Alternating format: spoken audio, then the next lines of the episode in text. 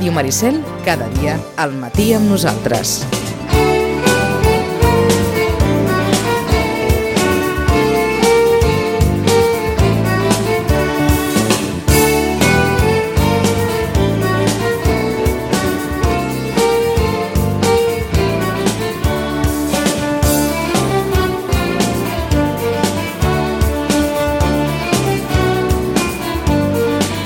Nou i 38 minuts. És dimecres 14 de març, el dimecres 7 de març, perquè em sembla que va ser fa una setmana justa, en Xatxi era a Brussel·les. Ara dir que ets a Brussel·les ga gairebé porta implícit diguem-ne una certa... No, no, però jo vaig a, vaig a veure l'Atomium, per exemple, perquè si no, ja gairebé d'una forma directa, a, a, a més d'un ja l'assenyalen com que va, va parlar d'alguna cosa d'aquelles que s'ha de mantenir en una certa discreció. No és el cas, o potser sí. Xachi, bon dia i bona hora. Bon dia i bona hora. I vas anar a Brussel·les. Vaig anar a Brussel·les. Fa una setmana justa. Fa una setmana justa. En una taula tenies a... En Lluís Puig, que va ser conseller de Cultura fins a l'aplicació del 155 i per a molts, conseller legítim a hores d'ara. Aquell home que quan el van nomenar conseller, més d'un va dir, però sí que et ve de les sardanes Sí, i ve de tot dir- això, ve d'aquesta, de, de, de la barretina. Durant l'entrevista li preguntem què li va semblar el tuit de Lluís Puig, ai, de Lluís Puig, perdó, de Lluís Basset, el director adjunt del País, que va dir, endavant, mirant al futur, un conseller sardanista. O un conseller que li agrada... A tu que t'agraden les sardanes? Home, un conseller que em sembla que et va demanar escoltar Juny, va ser? Eh, Somni, Somni, de, Gar- eh, de Saderra. Saderra Sempre Puigferrer. estic, eh? Allò, Juny, Garreta. Eh, Somni, Saderra.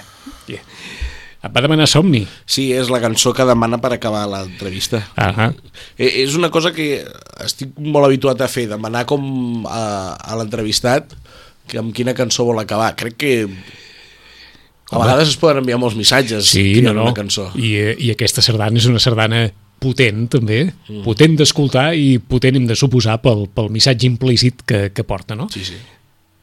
Com va anar aquesta... Gairebé t'hauríem de dir així. Com, com es va muntar aquesta trobada? És... Vaja, jo el, amb, amb en Lluís Puig el conec de fa temps i d'una manera curiosa no, no vam passar per cap eh, filtre de caps de premsa ni res, sinó uh -huh. que ho vam proposar com una entrevista més personal que una altra cosa, perquè a més, clar, dins del com dir-ho, dins de la temàtica del programa que fem a la xarxa, el Gaudés la Festa, parlo un programa gestàtic, perquè Sí. sí. ho faig jo sol, doncs hi havia hi havia l'inquietud no? de, de, veure que com es diu com diuen els italians amb el futbol quan un jugador eh, s'aferra molt a un equip uno di noi no?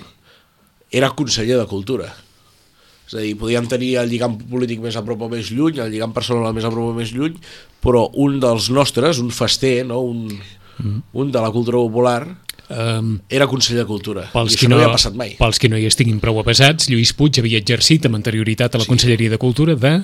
havia estat director general de Cultura Popular i Associacionisme, havia treballat 10 anys a l'administració eh, amb aquest tema, Sí. i a més doncs, és Premi Nacional de Dansa als anys 80, no em vull equivocar, diria el 84 o 86, Per tant, per tots els que us mogueu en aquest món, Era conegut, ja era una sí, persona, sí, sí. diguem-ne, àmpliament coneguda, no? Sí, sí, eh, músic, esbar, ballarí, creador de la Fira Mediterrània Manresa, director de la mateixa, director també de la, del Mercat de Música Viva de Vic, gestor cultural, amb empreses de manejament... I, Mm -hmm. Vaja, que podia haver-hi aquella línia directa suficient, Sí. o amb la confiança suficient, per demanar a Lluís Puig, ens podem trobar, podem fer una entrevista, podem tal. òbviament li van dir que ja hi aniríem nosaltres.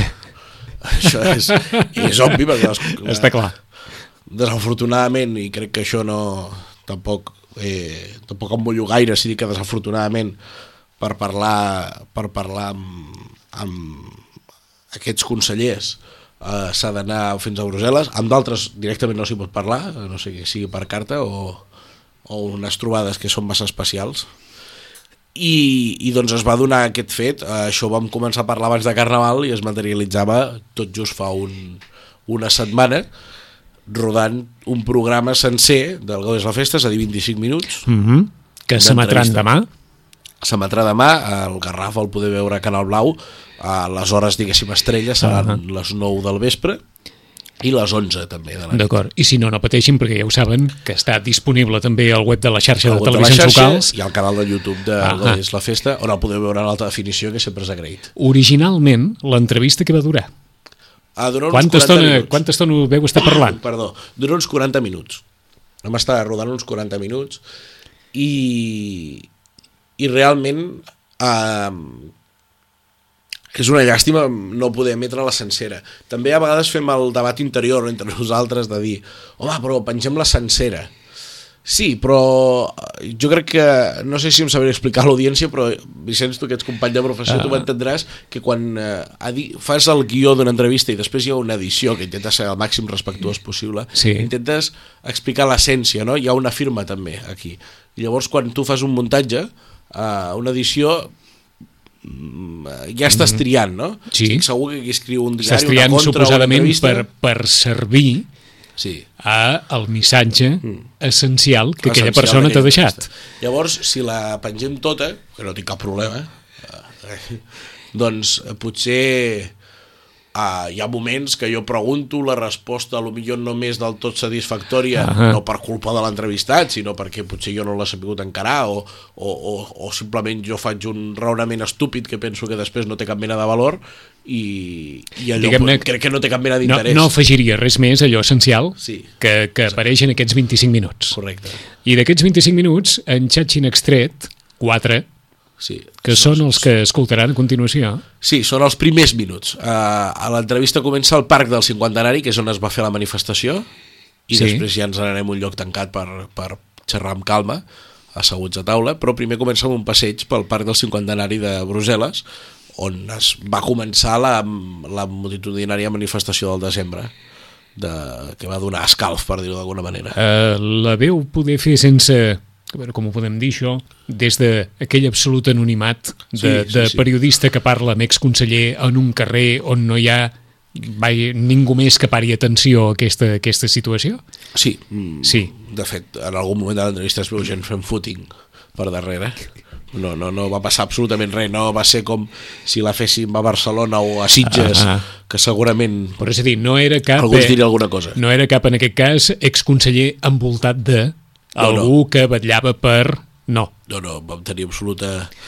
Uh, absoluta eh, diguéssim, volguda solitud a l'hora de Sí, fer-la. i volguda llibertat per, Sí. per preguntar el que es volgués i per contestar allò que es cregués sense, sense necessari. cap mena de problema. De fet, ara escoltareu ja una pregunta que, que jo fins i tot quan l'escrivia no, vaig considerar, ostres, és, és dur preguntar això, però, però era necessari, que era si se'n penedia de la tria personal que havia fet anant fins a Brussel·les, Ahà. o, o entrant com a conseller. Vinga, anem a escoltar Vinga, aquests 4 minuts amb els quals arrenca el Gaudeix la Festa que podran veure a partir de demà. S'imaginava eh, quan van nomenar conseller eh, que acabaria això aquí a Bèlgica? Impossible, impossible imaginar impossible imaginar-nos aquestes coses eh, de com han anat eh, d'aquesta forma tan descarnada i despietada, no? Sabíem, sabíem que estàvem desobeint, però desobeint políticament, i per tant eh, confiàvem que a l'altre costat tindríem eh, persones humanes amb qui parlar, no? No, no, no aquest acarnissament eh, només a través de les vies judicials eh, a instaurar un, un sistema de por i de pànic a cantants raperos, a pallassos amb nassos vermells, amb mestres d'escoles, amb policies municipals, amb alcaldes i alcaldesses, en definitiva aquest, aquest, eh, aquest setge eh, que estan fent per totes bandes. No? Se n'ha parlat molt de com funciona en aquell moment que es decideix, uns quants es queden, uns quants se'n van fins a Brussel·les. Eh, com va ser la... No sé si va haver tria personal en aquell moment per Sí, decidir sí, venir. sí, va ser una teoria personal. Dubtàvem molt de que havent-hi ja unes eleccions convocades el 21 de desembre eh, el govern espanyol posés mai ningú a la presó. És que, és que no ens passava pel cap. Però igualment, mira, jo en aquells moments em va semblar que havia de fer costat al president Puigdemont i vaig optar per això, per venir cap aquí i acompanyar-lo, no? Però vaja, eh, els fets han sigut superat qualsevol llargmetratge de ciència-ficció. Mm, Se'n penedeix d'això? No, no, no, no, no, no em pareix gens. Contrari, cada dia estem amb més ànims, més ganes de treballar, amb més projecte de futur, amb més il·lusió per saber que estem generant un, una nova cosa i fins i tot en aquests moments el president ja ha anunciat, avui sortia a la premsa, com hi ha editorials ja que estan a punt de treure llibres del president Puigdemont, explicant com, com, com aquest fet català al final és una oportunitat per l'Europa actual. Una Europa que té problemes de governança a Itàlia, que amb el resultat de les eleccions, eh, el que està succeint a Alemanya, el que passa amb el Brexit als Estats Units, a Anglaterra... Eh, o sigui, eh, és, estem en una Europa amb molts problemes. Si Europa entén que la forma de fer de, de Catalunya pot ser una solució, eh, faríem un gran pas i una gran aportació cívico-social, eh, humanista, en aquesta Europa que no ens agrada a ningú, eh? aquesta Europa que només pensa en l'economia i en l'especulació i, amb, i amb la reducció de, de, dels drets humans que està passant. Aquesta part de missatge que més d'un pensarà, home, respon poc a un conseller, en aquest cas, o un exconseller, vinculat molt al món de les tradicions i respon més, eh, diguem-ne, a un conseller de, de perfil més eh, ideològic com és o, o d'un altre caire, no? En qualsevol sí. cas, veu començar per aquí i després veu... Òbviament, sí, sí, sí. Uh, van començar per aquí i, i clar, hi va haver un moment que ens miràvem i vaja, no va ser ben bé així, no? però la, la, la sensació de... Bueno, pregunten per cultura, no?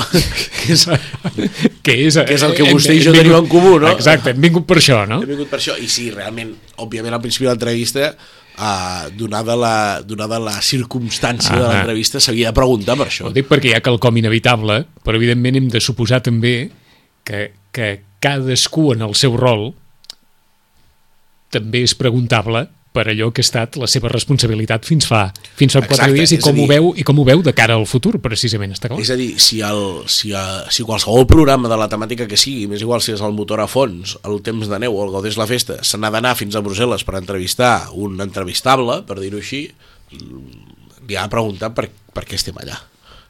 Jo ho trobo de calaix. Uh, segurament els tants percents de l'entrevista aquí hem, hem ensenyat això, que és força un ganxo, no? I és al principi perquè també serveix sí, sí. com a reclam del començar a veure l'entrevista. I és un però... ganxo extrapolable també al testimoni de tots els altres exconsellers, Correcte. òbviament. Però al final l'entrevista jo crec que és un 30% política i situació política a Catalunya i la resta és cultura i política cultural també, que és una cosa que a vegades se'n parla poc. Uh, Però no, gairebé, pregunta, gairebé no se'n parla. Eh, l'última pregunta és si en Lluís Puig tingués una vareta màgica que, que, que pogués fer-la servir un cop, què faria amb la cultura catalana? Eh, la resposta és... ja la veureu, ja, la... ja la sentireu i escoltareu. Però és una resposta que més d'un, eh, no dic que el sorprengui, però que permet repreguntar sobre si veritablement eh, això que expressa i que es podrà escoltar Lluís Puig ja hagués pogut ser possible, amb anterioritat o no. Però aquesta és la, la pregunta del milió a tots ah, els polítics a tots els que han polítics governat. Que han estat, són i, i sí, seran. Eh? Jo, no, jo no vull excusar en Lluís Puig, però també part de l'entrevista pregunta que amb, ara mateix porta al mateix temps a l'exili, a l'autodenominat exili, com, bast... com en l'exercici de... de... de conseller. Aleshores, clar, costa molt uh, poder recriminar no, l'acció la, política. Ah, Però sí clar. que és la pregunta del milió sempre als polítics, quan proposen i proposen i proposen, i sobretot els que ja han governat, diuen, bueno, i vostès perquè això no ho han fet abans, no? Ja no dic dels polítics, la cultura en general, sí. que, que sempre és, diguem-ne, vista vaja, segurament també aquesta precisió sobre Lluís Puig quan va arribar al càrrec demostra fins a quin punt eh, eh, no, sé si no, és, menor, no o... és considerada eh, sí. ja no dic la cultura tradicional sinó la cultura patrimonial com, com, home, com un bé cultural a l'alçada de qualsevol, de qualsevol també, altra manifestació artística. També durant l'entrevista sobre un debat que és interessant, que si el gairebé el 100%, el 99,9 període per cent de les competències culturals estaran transmeses a, a, a la Generalitat, a l'autonomia de, de torn de cada, de cada comunitat, per què existeix un Ministeri de Cultura? I aquí fa uns raonaments, diguéssim, jo catalogaria de durs contra, contra això. Uh, és, vaja, és interessant, es toquen molts pals. Jo crec que la, al final de l'entrevista, quan queda l'off the record, no? que, no, que òbviament no surt, mm -hmm. uh, el que el que han comentat tots dos és déu nhi no? Hem, vull dir, hem repassat, hem repassat. Perquè suposo que a l'hora d'establir un guió per una entrevista així, doncs tampoc és, és feina fàcil. Bé, mai no és feina fàcil, la, la professió ho porta i l'ofici també també ho porta, però està clar que és allò que dius bé, tampoc ho podràs trobar eh, allò la setmana que ve una altra vegada per poder fer una altra cosa, sinó que se sap que és una entrevista d'aquelles que es pot fer quan es pot fer, s'ha pogut fer a les circumstàncies excepcionals del context, etc etc i que per tant, Sí. eh, dig- diguem-ne, pren un valor superior al qüestionari. jo sempre, vaja, jo no sóc mestre de res, perquè primer crec que encara, encara sóc jove, encara que anem fent anys, no? Però encara sóc jove i no... Però, però sí que hi ha una cosa que quan, quan algú comença amb, amb aquesta professió i, i, i m'acompanya perquè és becari o les estades a l'empresa no, que fan els de batxillerat i això, jo sempre, la primera frase que els dic és a, als mitjans de comunicació on tot és imatge, fins i tot a la ràdio és la imatge que transmets com a emissora, al, al destinatari no li importa gens les teves excuses de que ha sortit bé i que ha sortit malament. És a dir, al final el resultat ha de ser correcte. Si has trigat més o menys o t'ha costat més o menys esforç, m'és igual. Al final el resultat ha de ser bo, no? i a ningú li interessa les teves excuses mm -hmm. o si t'ha sortit bé o malament. Per tant, eh, el que fem avui és una anomalia, no? que és parlar de la gestació d'una entrevista Sí. i les seves dificultats i les seves, i les, els seus pros i contres. Però al final és una mica això. Uh, jo penso que qui... No, és a dir, jo, jo no podré anar casa per casa excusant-me de per què no s'ha fet aquesta pregunta o perquè uh, la imatge en aquest moment tremola una mica, no? I això és, és fotut. No ho podem fer cap de nosaltres, eh, segurament, això. Exacte. Per què no has fet aquesta, per què no has fet, per què no has dit, per què no tal. Però crec que una de les bases, Ah. sobretot de, de, dels mitjans de comunicació, és, aquesta, el dir no, no, no hi ha excuses. És a dir, el que surt va amb les conseqüències del que surt en emissió i el que es penja. Aleshores, uh, és interessant fer aquestes coses. A mi, um, uh, la, les entrevistes gravades en exterior sempre tenen molts problemes tècnics, ho sabràs més I, que això. i moltes distraccions Moltes afegides. distraccions per l'entrevistador i per l'entrevistat. I Bastant, càmera incon i bastant incontrolables en la majoria de casos. Exacte, jo estic acostumat o tinc una mínima experiència en fer entrevistes a plató. I a plató és tot molt més fàcil. I més eh, al plató quan fèiem el Vida Privada, no? que fèiem unes entrevistes en un plató tot negre, mm -hmm. on només estàvem il·luminats l'entrevistat i jo. És I molt més aleshores fàcil era molt més fàcil. I crear realment un entrevistar a l'exterior és, és complicat. Ah. Perquè a més veus que l'entrevistat i l'entrevistador van parlant i van mirant, fan molt mirada a l'infinit, eh? allò que passa aquell cotxe per allà. Que... Uh, I al final a vegades surten més naturals així, eh? però, però és molt complicat, és molt complicat. Vull que es valori això, eh? que és molt complicat. Uh, Brussel·les és grisa, és trista, és, és com és? Jo la vaig trobar petita, al centre és petit. Els edificis de la Unió Europea són espectaculars. Eh, es nota que no surt gaire el sol, perquè si no, no els farien tant de vidre, perquè s'escalfarien Brussel·les, molt. Brussel·les és funcionarial, Molts funcionaris. respira allò un... El Mannequin Peace és, és, és una cantonada, vull dir, no, no... no és res. I la, i la plaça, la, la, la gran plaça, és molt espectacular. Però realment, així com estem habituats que a l'estat espanyol, a, a França, m'atreviria a dir Itàlia també, hi ha grans cas, casc antic, eh, molt gros i molt visitable i per perdre-s'hi molt, Brussel·les, jo tinc la sensació amb les hores que hi vaig ser, que són 48, Ahà. que no és el cas. Eh? Així, ara, ara fem una miqueta de guia turística, però Sí, no, sí. no és el cas, no és el cas. I està molt impregnada de ser, òbviament, la capital Cal- política d'Europa. d'Europa. Està impregnadíssima. I Lluís Puig et va sorprendre per alguna cosa? Uh, Lluís Puig em va sorprendre per alguna cosa. Home, és... Jo crec que la sorpresa és, és trobar-se allà. No? El moment que fas tota la producció, però quedes tal dia, tal hora, i llavors et trobes i, i dius... Mira, "Ah, Ara, perdoneu Som- que sigui així aquí." personal, però dius, mira, el Lluís, no? Aquí. És, és, home, és molt sorprenent. Jo crec que la més gran sorpresa és haver de fer l'entrevista a Brussel·les. d'acord. Encara, supos- jo crec que encara els catalans siguin sobiranistes, independentistes, autonomistes o el que siguin, eh, jo crec que encara no hem paït tot el que ha passat. Eh? Ho dic per si podia haver semblat més beligerant, més pragmàtic, més no sé què, i, i, i et va semblar tal i com el tenies més o menys Sí, eh, eh, és possible... concebut. eh, Això és, potser és una, és una banalitat, eh? però dir que l'entrevista hi ha certs moments que podríem ser a Brussel·les o a Barcelona, és a dir, que, li, que la dotem d'una certa normalitat. És que ho pregunto per això. és una... Eh, sí, sí, ja, ja, durant alguns minuts passa això.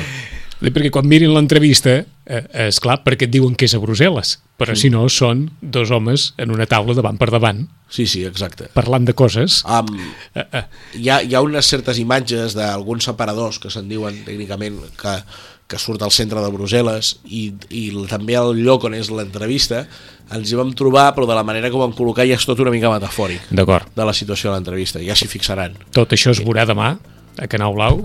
Xachi, felicitats per l'entrevista, perquè Ah, això no, moltes gràcies això no només no passa cada dia, sinó que un ho ha de buscar i li han d'anar bé les coses i ha de perseverar. sí, sí, sí Per tant, de la perseverança n'ha sortit el que es podrà veure demà i com us dèiem també es podrà veure a través de YouTube o YouTube de Gaudeix la Festa i a través, òbviament, de la xarxa de televisions locals. Deixa'm 5 segons. Vinga, És, és també un missatge, jo no vull que sigui una autoalabança, eh, però, Ràpidament. però que des d'un programa que és temàtic, que és cultural, també es pot ser valent.